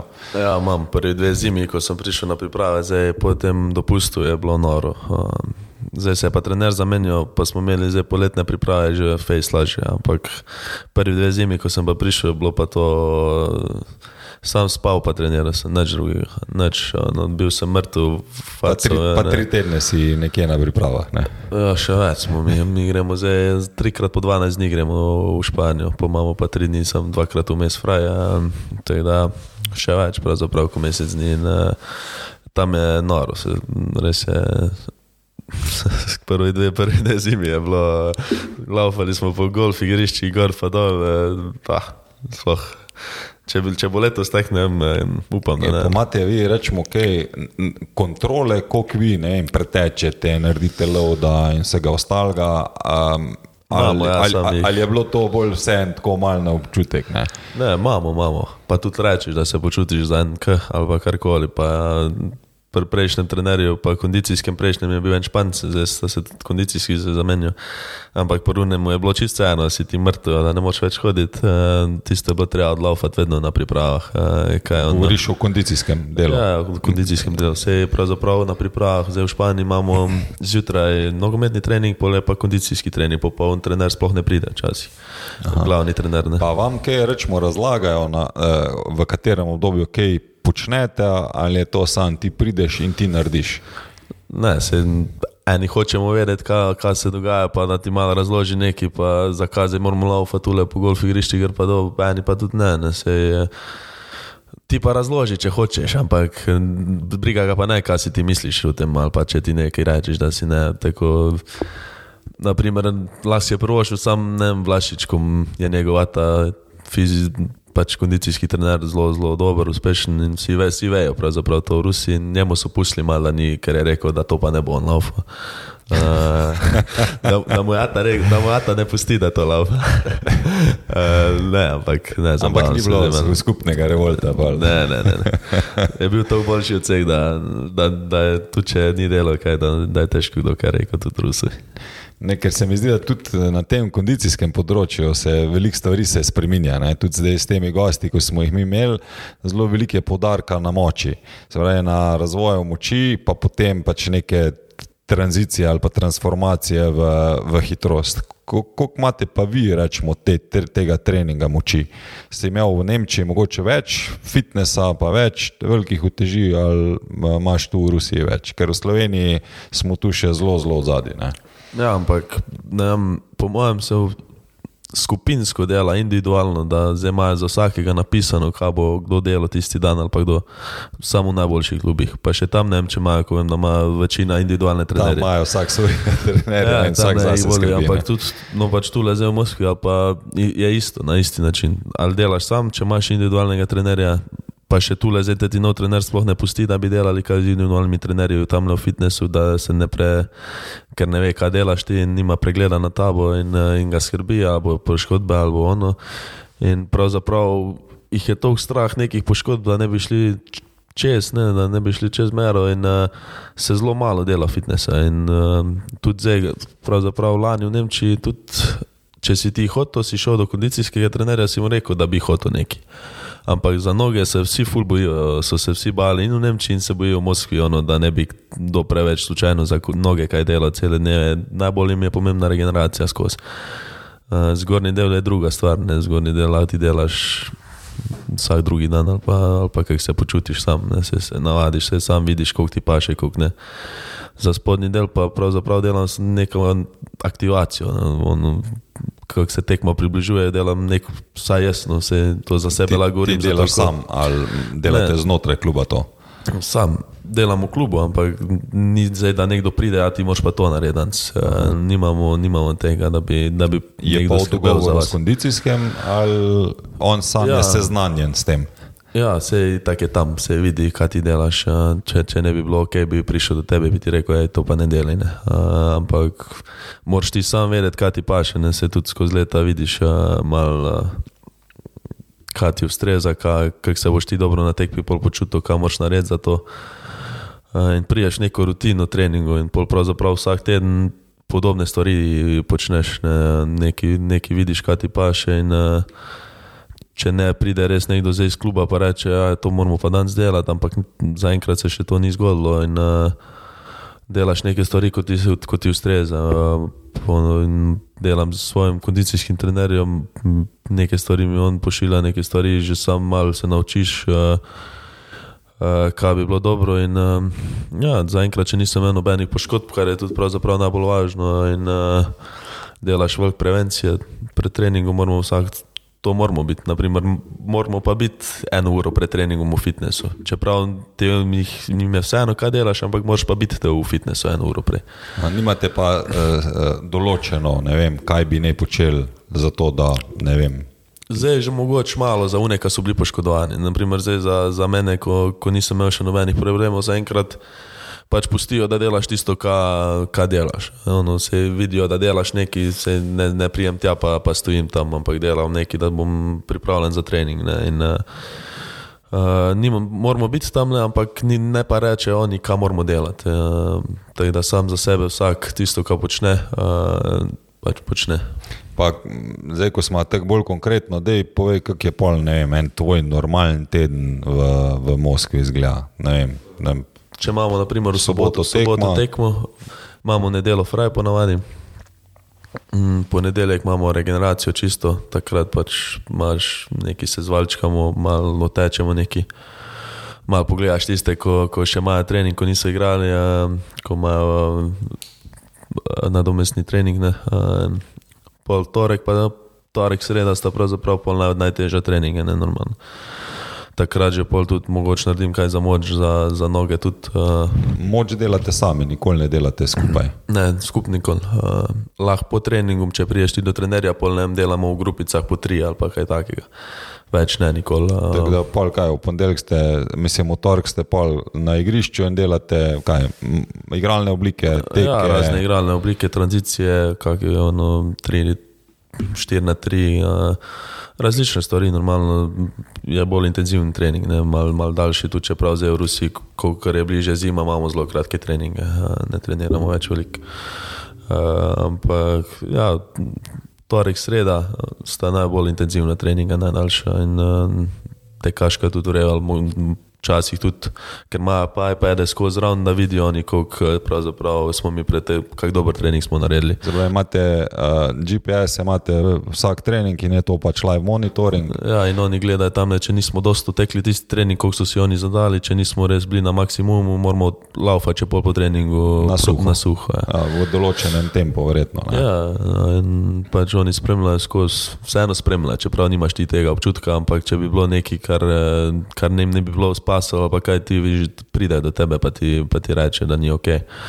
Uh, to je, da ja, torek, sreda sta dva taka intenzivna treninga, četrtek, pol najlažji ponavadi. Uh, pri prejšnjem trenerju smo časi, sploh nismo ven šli na igrišče več.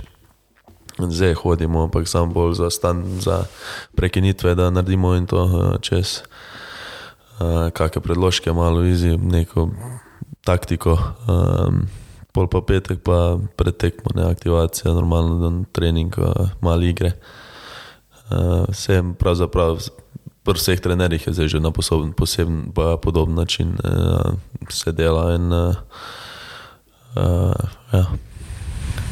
Po pa soboto spet tekmo. Soboto pa tekmo spet, zdaj ko ni v sredo, tudi zdaj ko je sam sobota, sobota. Okay.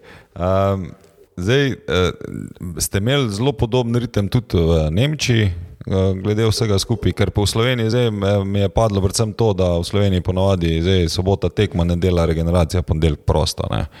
Ste imeli v, v Nemčiji ste imeli tudi podobno, ali kaj?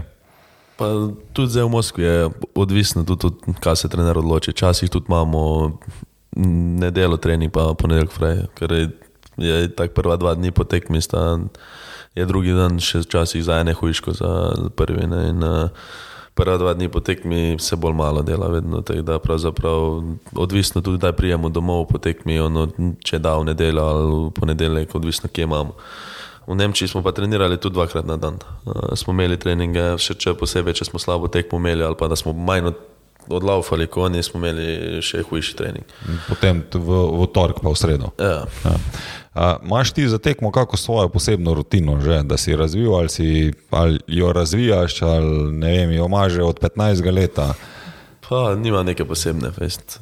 Muziko poslušam, ono, koncentriraš se na tekmo, normalno, dve uri pred tem. Uporabljaš kakšne tehnike, vizualizacija, kaj od tega? Ja, uporabljam, sem delal s psihologom daljše obdobje, zdaj pravzaprav leto pa pol.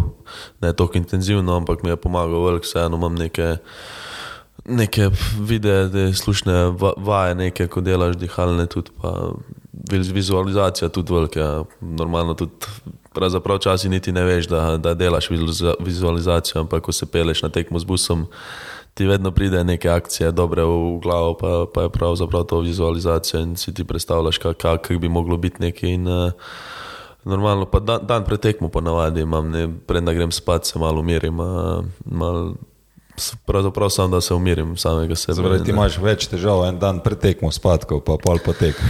Ma tudi dan pretekmo nimam, ampak ono, samo da se malo umiriš, da, da veš, da se skoncentriraš na tekmo. In, uh, koncentracija je najbolj pomembna pravzaprav in uh, moč biti z glavo na tekmi. To je to. Je to. Okay, se pravi, skrbiš tudi za, za razvoj svojega uma, ne samo za, za razvoj svojega telesa. Je treba. Zdaj, na začetku sem že omenil, ti si 22 let star, pa že imaš 25 naslovov tudi za, za reprezentanco. Za A reprezentanco govorimo, za mlajše jih imaš še, še nekaj zraven. Ne? Čeprav mlado reprezentanco si bolj kot nekaj preskočil, ne? imaš ne, ne tri sam nastope, če, prav, če se prav spomnim. Ja, nekaj imam, nekaj malega ne vem točno koliko, niti sam, ampak nekaj malega. Um, kak je pa sam ta občutek, rečemo, bil nastopati za A reprezentanco? Je to, lahko rečemo, še nivo više od rečemo, tega, kar ti igraš v Ruski ligi, ali lahko že rečemo, da je to tu nekje? Ali je to bolj je, primerljivo z Ligo prvakov? Ja, je nivo više, nekako je drugače, vse skupaj, drugačen občutek, čist ni. Vseeno, ko si ti v klubu, je.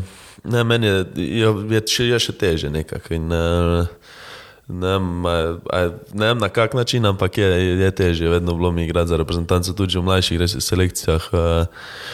Uh, je nivo više, kakorkoli gledaš, ono, od začetka sploh sem imel probleme v reprezentanci. In, uh, z igro vse skupaj. Praviš tudi, da se tam navadiš ljudi, novih, ono, neko svoje. Si, si občutil večjo breme, rečemo, pri napakah, pa si se ja, bolj obremenjeval s tem ali kaj drugega. Ja, tudi to, tudi to vse skupaj, ono, novi ljudje, ono, nova je pač vse je spet novo. Ne, Ti prideš tja, pa si pravzaprav en teden tam, pa, pa te spet ni, ono dva meseca. Pa spet en teden, ko priješ na novo, tam le rabiš še toliko daljše obdobje, da se navadiš na vse skupaj, ko pa ko prideš v klub, ko si pač priješ tja si en mesec mogoče še nekaj loviš, ampak si en mesec skozi tam, pa si vidiš hitro. Ne? V reprezentanci je to drugačne, zdaj se počutim že super, naprimer, se eno zdaj. Sta že tri leta mimo, odkar sem prvič igral za reprezentanco. Pa si še vedno en najmlajših, ne? Ja, zdaj, zdaj, zdaj, zdaj si Benja, hvala Bogu, dobival kaj. Ja, pa še te drugi so zdaj, Adam pa. Pa zdaj, zdaj jih je bilo veliko, zadnje čase še veka, zdaj pa timi, pa zdaj, da zdaj, zdaj, zdaj je prišla še malo mlaj, mlajša generacija zraven, se imamo super. No, in, uh, Uh, sem res vesel, da so zdaj tudi oni malo se pridružili, ker prve, prve leta sem bil res bolj, bolj, bolj sam uh, med mlajšimi. In, uh, da, ja, uh, je drugače, je drug nivo in uh, se veliko več tudi pričakuje, mogoče v, neki, v neki, nekem obdobju. Um, kaj pa ti doživljaš to himno, ko se začne igrati? Je to nek ta. Uh, poseben občutek. Jaz, jaz sem na eni oddaji rekel, da pač sem tudi sodeloval v teh mlajših reprezentancah, na ne pet let. In vem, da vsakič, ko si doma, pa ko poslušaš pač himno, ko, ko, ko pač pred reprezentančnimi tekmami, je nekaj. Ampak ko si udeležen na nekem ne, kvalifikacijah za, za evro ali kaj tajega, ne, je pa občutek ali pa breme absolutno drugačno. Je, je kakorkoli pogledaš, normalno da je. Um, gledaš te tekme, ko si mali. Ono, smo navijali posod v Ljudskem vrtu, se spomnim večkrat, tudi v Stožicah sem bil. Normalno, da ko si ti na igrišču, zdaj pa vedno pravzaprav pogledam pol na tribune. Vidim kakega malega, ko, ko je na tekmi, pa, pa si predstavljaš časi, ko si ti tudi bil tam. Ne, in, uh, je nekaj posebnega, normalno, vedno, vedno probaš najti nekega, da se ta gleda, ta mali fant, ko, ko hoče enkrat tudi igrati za reprezentanco ali kakorkoli. In, uh, ja, več stvari je, ko so posebnih, ko je posebnih. Zdaj si tudi v reprezentanci šel na, na, na centralnega branilca, ti tudi to bolj ustreza. Ja, mi, mi pač osebno mislim, da lahko prijem na veliko večjo raven na, na centralnem branilcu, kot pa, ko pa bi lahko na, na vezistu. Okay, zdaj, eh, zdaj si že ne trikrat omenil to veliko višjo raven. Eh, glede na to, da si eh, še, ko govorimo o nekih teh prime years ne, ali pa najboljših letih, ne, tebi še manjka zagotovo 4-5 let, da, da priješ do tja kaj, kaj v tem trenutku ti delaš za to, da takrat verjetno se zavedaš, da so ti tista leta najboljša, ne tam od 26 do nekje 32, 33, kaj ti delaš, da boš tam najboljši? Kam vse vlagaš, v kaj vse vlagaš? Je to sam pač, da treniraš ali še je tukaj zraven? Ja, dobro vprašanje je to. Uh, Mogoče bi še več, verjetno, ko pa, ko, pa, ko pa delam, čeprav že delam veliko. In, in, ah, ti je žal, verjetno, enkrat, če ne, če ne vložiš maksimuma v teh letih zdaj. Uh, kot sem ga, pravzaprav na tri leta, ko sem prej govoril v Šiški, vem, da sem vložil svoj maksimum, vem, da sem dal 100%. Tako zdaj, ko sem vprašal, pa ne vem, zdaj jaz sem, a zdaj dajem mogoče 100%. Iskreno, vseeno vem, da dajem velik, ampak ne zdaj, vem, da dajem svojih 100%. Zdaj, da, da te malo umirim. Ja. V, v, vsako obdobje verjetno pač je nek, uh, eno obdobje, ko delaš korake naprej, eno obdobje, ko malo moraš stagnirati, ne? zato da se telo pač eh, navadi. Mm. To je mm. tako, ko sem. Pač... Ja, res, pa, da se navadiš spet na neko okolje, pa ko menjaš okolje, tudi traviš malo, da se navadiš, ne moreš skozi pol, ko prideš nekam nov, vsaj. Rabiš vsaj pol leta, da se navadiš, zdaj, da pa rečeš, da zdaj pa sem tu, zdaj pa lahko nekaj, nekaj še več delamo. No. Uh, da zdaj v Moskvi pravzaprav se delam, veliko delam dva treninga na dan, uh, plavam, fulvok, uh, rad plavam. Uh, in uh, bi pa še več, sam vem, da Ampak, bi še lahko zdaj, zdaj konkre, jaz te bom konkretno vprašal. Kaj ti meniš, da v smislu vem, grajenja svojega telesa, ne, ja. da lahko ti izboljšaš v naslednjih letih, ali pa da bi bilo dobro, da bi izboljšal? Ja, jaz mislim, da bi lahko vsak delal dva treninga na dan. Ampak ne, ne mislim intenzivna treninga, ampak delaš nekaj še zvečer, ne vem, greš na kolo, ko ti ne da neki velika, pa greš 20 minut na kolo, ko pravzaprav ni tako fizično ti naporno, ampak vseeno ti da nekaj, vsaj za glavo meni, ne vem, se mogoče fizično ni, ampak se ful boljš počutiš, če veš, da si naredil ne vem, dva treninga, pa, pa si še nekaj za moč zvečer naredil za zgornji del, pa lahko, ne vem, tek, pa plavaš tudi lahko vsak dan več, naprimer, pa ti da neki če ne drugega, samo v glavi, da se boljš počutiš, ampak verjamem tudi, da ti da nekaj fizično. In, uh... Ampak imaš ti občutek, da bi vem, lahko še kaj naredil na hitrosti ali pa na gibljivosti ali pa v razvoju neke te motoričnih sposobnosti, ki jih ja, ampak... so ključne, ne vem, na koordinaciji ali kaj takega. Zdaj, koordinacijo ja, sred sezone, ampak ostale stvari, na vem, hitrost, moč, pa verjetno zdaj, v tem mestu, ko si frajne. Vse zato pa ravno smo, se pogovarjamo, ne, o kaj delati. Ne vem, zdaj smo imeli, pač v, v, v Daji Note smo imeli Domna Bremca, ne, trenutno sicer on dela v rokometu, ampak je ravno to on rekel, ne, ne vem, idealen čas za razvoj moči in posledično tudi hitrosti. Ne. Ja, zdaj, to je trenutno, zdaj bi lahko največ naredil. pravzaprav. Zdaj bi mogel delati za moč, za hitrost, za koordinacijo, la delaš tudi kasneje. Koordina, koordinacijo, la delaš, te vaje niso tako, ne, ne vplivajo toliko na tvoje telo, eh, da, da jih ne bi mogel tudi sred sezone delati. Niso tako naporne. Ja. Ja, niso tako, te ne obremenijo toliko, ampak sred sezone so pa te stvari, ko sem jih prej govoril, da bi lahko mogel delati. Ne toliko na moči, ker je zelo težko sred sezone delati, kaj ker tvegaš poškodbo, karkoli in uh, lahko sam si delaš škodo, ne, ne pridobiš kaj na tem. Uh, Kaj pa na tehnično-taktičnem delu, kje pa tu gledaš? Eh, Okay, v taktiki zagotovo ti bojo izkušnje nekaj dale. Pravi, iščeš čim več tekem, dosti težkih tekem, tudi eh, verjetno kvalitetnega sparing partnerja na treningu, da imaš za to, da te potiska, da ti greš na še korak više. Ne? Kje vidiš, da imaš pa tu rečemo, še prostora?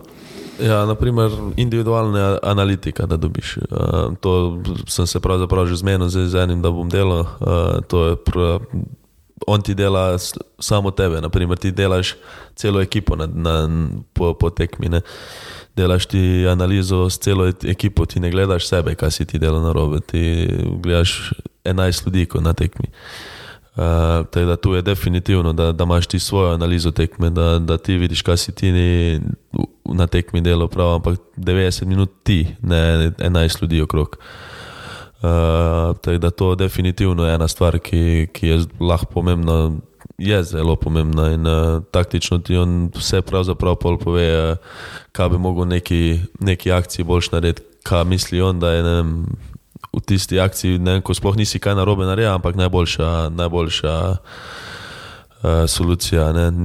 Kot ti ne trener nikoli ne bo rekel, ja, tu si pa narobe, levo podal, ko bi mogel, ne vem, desno, pa bi on tam imel lepšo za predložek, lepšo šanco ali karkoli. Ampak uh, te stvari so pač malenkosti, ko, ko delajo pol. Malenkosti pa ločijo dan danes v futbalu, vse vemo, koliko ljudi igra nogomet. Če sem prav razumel, ti že imaš zdaj nekoga, ja. s katerim boš to delal in te že pripravlja na tak način. Se pravi, da ti tudi, ne vem, reče, ne tu imaš slabo boke postavljene ali pa preblizu stav ali pa bolj drž razdaljo v tem stilu. Ja, pa da ne spadaš za, za brez veze, vse ni vedno, da si ti agresiven, na, še posebej na, pač na centralnem branilcu. Ne moreš, moreš pametno igrati, včasih, če ne, ne, ne boš prišel do žoge, da je nemogoče, no pa da greš še vseeno. Malenkosti so take, ko Ker, greš. ker meni je zanimivo, ne, da najboljši igravci, ne glede na šport, v katerem so se pač pojavljali, ne, je, ni nujno bilo, da so bili najboljši atleti, ampak so imeli najboljše ali pa najkrajši čas uh, skeniranja prostora in predvidevanja, kaj se bo dogajalo. Ne. To mi je bilo vedno fascinantno, da ne vem. Kdorkoli je bil, je pač vedno prav čas, ali ukradel žogo, ali po- podal nekaj nekam, ali stekel v določen prostor, ki je bilo drugače, ali pa ki večina igralcev ne bi tega naredili. Ja, to ti pride s ponovitvami, ne? to ti ostane v glavi, ti že veš, pravzaprav, preden da bo nekdo udaril žogo, kam bo šla ta žoga. Se vi- vidiš postavitev noge, vidiš te malenkosti, mogoče je to tudi glavna razlika tistih, ki ne igrajo nogomet, pa tistih, ki igrajo nogomet. Ne? Se mogoče asi ni tako fizično ali pa karkoli drugega. Je to, ko si ti že nekih stvari videl, ne vem, tisočkrat ne vem, neko stvar, boš ti vedel, kam bo šla žoga, ali pa nekdo pa ne bo. Ne, in ti že sekundo prej stečeš nekam. eh, Ja, to pa tudi dobiš z leti. Ne, se večkrat, ko nekaj narediš, s- to še dobiš sekundo zraven, na sekundo definitivno ne, no, ampak eh, nekaj pomembnega časa pa definitivno. Okay. Pa, zdaj, sam si že rekel, ne, tudi eh, psihologom delaš, se pravi, mentalno stabilnost je verjetno tudi ključna na, na takem nivoju. Tak da, da, a to, to zdaj si rekel, leto pa pol si že prej tudi uporabljal to. Ste, S psihologom sem delal, zdaj ne več tako intenzivno, kot sem, zdaj, zdaj malo manj, no, zdaj skoraj nič več. Ne, no. Uh, Kaj je rekel, da, da ne rabiš več, da si že na, na nivoju, ko ne rabiš. Ne, ne, to nikoli nisi. to, to nikoli nisi, definitivno vedno. Bi vedno rabo nekoga, ampak pač v nekem obdobju mogoče ne malo mal pozabiš enkrat, pa pol drugič ne narediš, pa karkoli. Ampak zdaj trenutno tudi nisem tolk, da bi pa zdaj rabo, no, da bi zdaj rekel, ja, kura, zdaj pa, zdaj pa moram z njim govoriti ali pa karkoli. Zdaj pač neki imam svojo rutino in zdaj neki nisem full ven svojega comfort zona nikjer, da bi pa rabo neko pomoč. In zdaj v tisto rutini mi je zdaj čisto ok, mi je super, se vrejo počutim in trenutno se mi zdi, da, da nisem toliko potreben tega, tega dela no, v nogometu. Ok, zdaj glede te psihologije, da mi povej, koliko je naporno igrati pred enimi takimi navijači, kot so CSK, kjer pričakujejo, da se vsaka tekma zmaga. Pa naporno je, če daš ti vedno 100%, ne, pa da, da oni vidijo, da, da se ti vseeno si dal vse od sebe. Se, se pravi, so hvaležna publika. Če Ja, oni so, vidijo, so. da, da ti si se boril in si dal vse od sebe, ne glede na to, da si izgubil. Ja, niso, Vas- niso, niso tisti, ko bi sam rezultat pogledali, pa bi rekli, ja, pa bi šimfali vse. Ja. No, ni, ni, niso so res super navijači, moram reči, no, tudi ko nam ne gre. Nikoli niso preveč kritični, pa kakorkoli, in uh, so, vedno, so vedno za nami. In, uh, tisto, tisto jih bolj moti, normalno, tako vsakega. Se mi zdi, se, tiste prave navijače bo vedno to motilo, da, da, da ni 100% nekdo dal, ne, ne pa da, da je izgubil ali pa karkoli. Da ni skočil, pa klizno, pa da se ni boril. Ne? Ja, pa, pa da je podal levo, ne desno. Zgleda pa po Moskvi videti naslednji dan, ko zgubiš tekmo, kako derbi s kakim mestnim rivalom. A Moskva je tako velika, da, da to pa ni problem. A ni Je težava. preveliko, da, da, bi, da bi bilo s tem Se, problem. se ti še ni zgodilo, da bi šel pa naslednji dan v kako trgovino, pa Ne, bi ti ne. tam en na ulici začel, ni kaj si včeraj delal, Ja. ni bilo ok.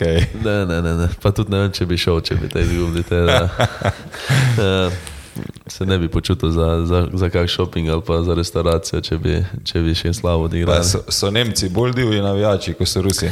To pa težko reči, ko je bila korona lani skozi. Uh, lani niso so bili na dveh tekmah, si, mogoče. si imel prazne tribune. Skozi, ja, celo sezono. Mm. Okay. Ej, imaš kaj, kakšne posebne anek- anekdote iz te uh, Rusije, ki je nam vsem precej davč, tudi uh, kar neka uh, solidna um, ekipa slovencev ste gor v Ruski ligi, no? se kaj dobivate, imate kakšne mesečne uh, uh, Ma, ne. druženja.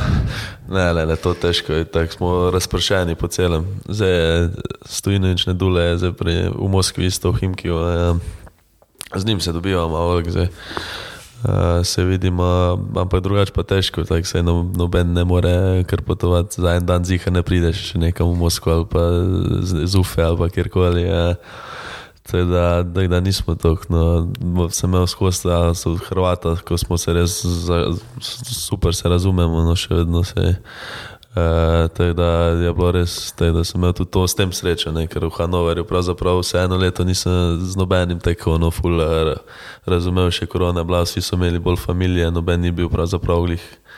So bili mojih let, ampak so imeli že ful resne punce, si ono, ženjeni že uh, z otroci, tako da nisem imel neke, neke družbe tule v Moskvi, pa moram reči, da, da mi nikoli ni bilo dolg cajt in se nikoli nisem tako samega počutil, kot pa pravzaprav v Nemčiji lani. Pa ti je tudi mesto všeč kot tako. Ja, mesto je super, res. Ja, Vsem pravzaprav, ko pridejo, je, so presenečeni in Moskva je res eno izmed lepših mest, definitivno. Tudi urejeno. pa tako. Ja, čisto mesto to, da nikjer v Evropi ni čista, čist, čistejšega mesta kot pa, kot pa Moskva. Ne, Okay. res, eh, Se pravi, ni nobenih posebnih anegdot, razen tega, da si enkrat na Ligo prvakov mogel pol potekmi zaradi vizije 4 ure čepet na let, letališče. Ja, okay. pa- pa se so se zgodile tudi stvari, ampak ja, to je bilo ena izmed teh. Ja. Enkrat nam je tudi benzina zmanjkalo s tem Hrvatom, ko smo se skupaj vozili, smo mogli avto tišati malo. Je, takih stvari, ampak se, se zgodijo stvari v treh letih. Okay. Uh, kaj bi ti rekel z igravci, ki si igral, če bi šel po igralnih mestih, kjer, bi naj, kjer so bili najboljši tisti, s katerimi si igral do zdaj? Oh. To bi mogel pred, pred tem reči, da bi si lahko napisal do. A, dobro, se bo, ne bo noben žaljen, po mojem. Zdaj, na- ben- zdaj na gol skoraj vemo, kjer ga boš dal. Ne? Ja, dobro, ja, to, to ne smemo niti, to nema niti rekla, da, da ne bi. Ne, a, a zdaj tudi, a nisi sam rekel proti.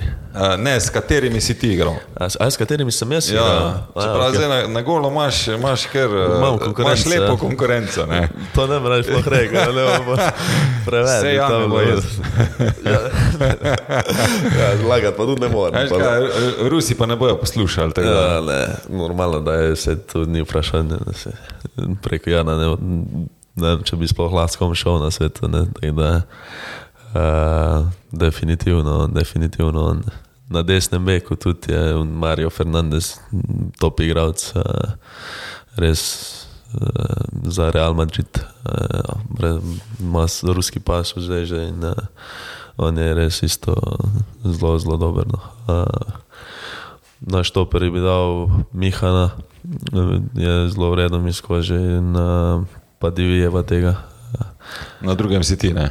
A ja, moram, ne, sebe, sebe ne da. Zdaj, pa, pa imel sem še enega Brazilca, BK, ki je zdaj v Indoneziji, on je tudi super, eh, super eh, branilc. eh, Levi bek dal Joko, ker eh, je res to poseba. eh, Mi je pomagal največ, ko sem prišel reprezentanco, eh, ko sem uh, tako da tam je on njega.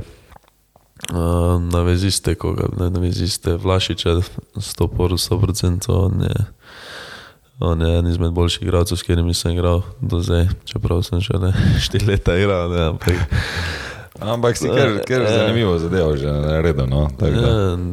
ne, pa, pa trifa bi dal mogoče iz velenja. Čeprav ne moreš primerjati, ampak te, ono, kjer so mi najbolj pri srcu, mogoče ono stali, tek je. On je tudi vedno bil tek pozitivna oseba tudi uh, je veliko kariero naredil, se mi zdi v slovenskem nogometu, čeprav nikoli ni kam, kam ven šel, ampak je res uh, tudi m- m- tehnično en izmed boljših igralcev, se mi pač manjka mu malo mogoče drugih stvari, ampak je pa to vedno, je pa res bil na, na visokem nivoju tehnično in uh, to, do koga bi še kaj. Kam boš na Viger dal? Dobro, jo je na, eno, to ni vprašanje sploh. Eh, Na drugega, tega Čidera je Džuke, ko imamo zdaj v, v CSK, je top igralec, pa bo po mojem tudi še naredil kakšen res dober transfer, ker je res vrhunski. Pa pa špico, koga bi še špico. Benja še ne bi rekel, ko je še premlad, ampak ima tudi vse, da bo res vrhunski igralec. Trenutno pa Špoki je videl, Špoki je tudi, čeprav se mu nekaj mogoče najbolj poklopilo, neke stvari ima tudi. Ma, trenutno ima dobro, dobro, dobro del pa- sezone. Zdaj pa res super gre. ja, tako da CSK nam pa vedno neka špica mal manjka. Ne, A ga boš pripeljal? CSK mogli pa še enega pripeljati. Se ne, jih je bilo, se nisem še dal najst, ne. en gan mi še manjka. En ti še manjka, ja. en napadal si ga še lahko najdeš.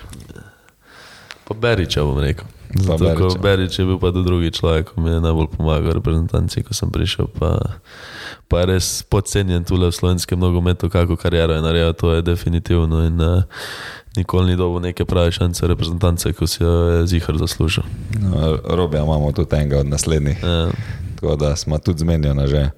Um, ok, uh, da mi reči, kaj bi ti svetoval še mladim igralcem? Kljub temu, da si mlad, ampak si že vse en član, um, glede na to, da si ti nekaj naredil prav na svoji poti do, do sem. Ne? Ja, to, veliko smo se prej pogovarjali, da morajo dati 100% v nekaj, kar, kar želijo delati. Eh, Če to nogomet, moraš dati 100% in nikoli ti ne smej v zadnji biti v glavi. Tako si me danes ti presenetil, zdaj vprašanjem, no, pa, pa mogoče sem zdaj vedel, da ne mogoče trenutno.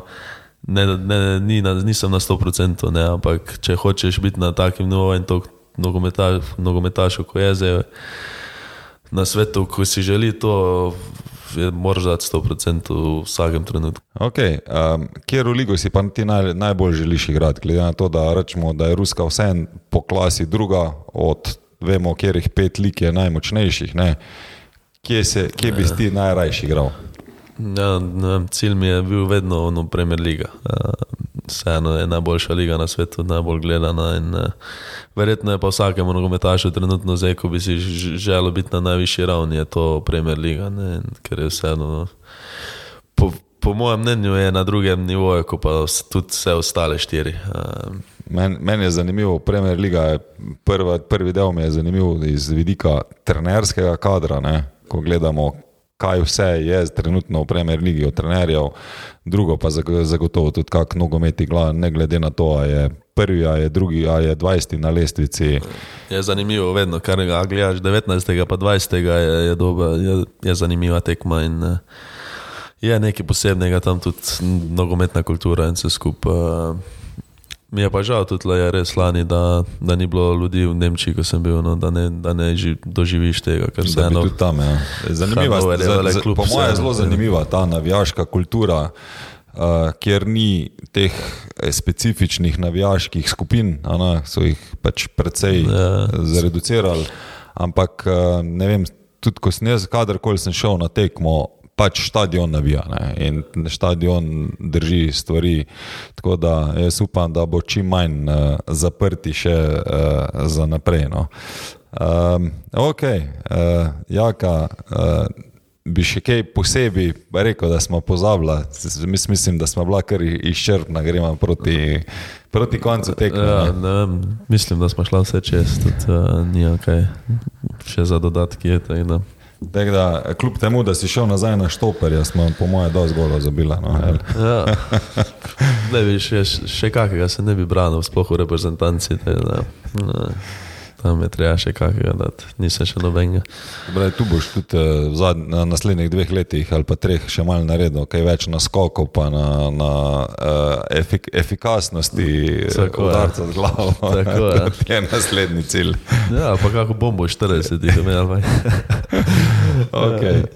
Dobro, eh, ful ti hvala, da si bil moj gost. Eh, tako da um, ti res želim, da prvo, da boš zdrav, ker vemo, da to je osnova, da lahko napreduješ, ne?